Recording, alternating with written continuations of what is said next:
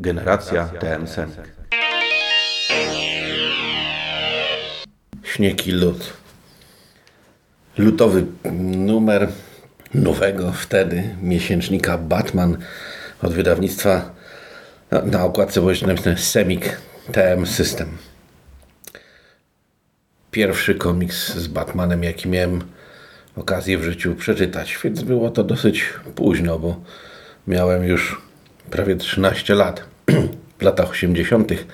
zdarzało mi się czytać komiksy z Supermanem, z fantastyczną czwórką e, i trochę innego superbohaterskiego towaru, ale to był pierwszy komiks z Batmanem, który trafił w moje ręce.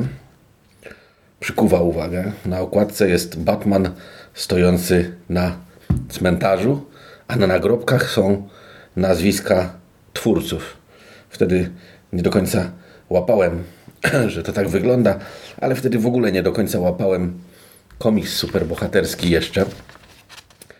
E, co jest takiego specjalnego w tym komiksie? Otóż stworzyło go dwóch spośród moich ulubionych twórców. Alan Grant, który był częścią brytyjskiej inwazji na komiks amerykański i Norm Brayfogle, który należy nadal do grona moich ulubionych rysowników. Być może dlatego, że pierwsze kilka lat polskiego Batmana to był właśnie on, a być może dlatego, że jest dobry.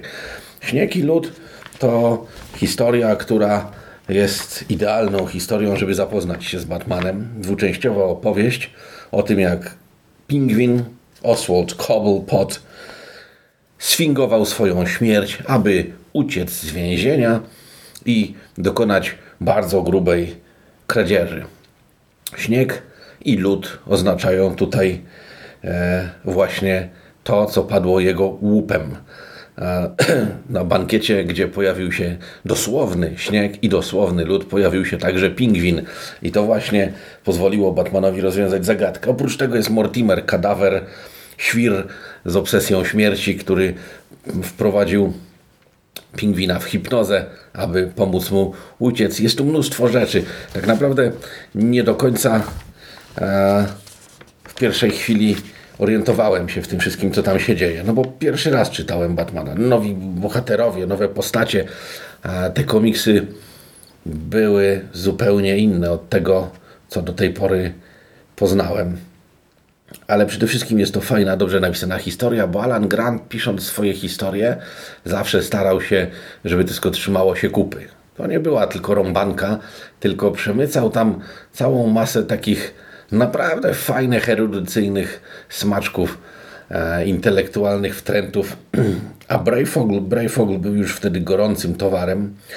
Jeżeli ktoś potrzebuje się o tym przekonać, to wystarczy zajrzeć na stronę 46, gdzie jest scena z Batmanem zeskakującym z latarni na pingwina, z Batmanem wyszczerzonym w potwornym grymasie, z rękami rozczapieżonymi i rozrzuconymi na boki i z tą jego peleryną pełną mroku, opadający na małego grubaska, próbującego zasłonić się parasolem.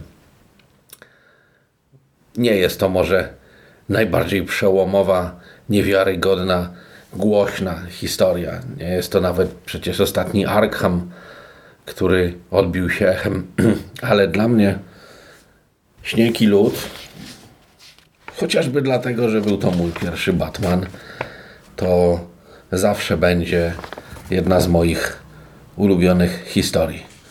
A że jest to przy okazji kawał dobrego komiksu, to jeśli będziecie mieli okazję, to sięgnijcie po niego. Polecam.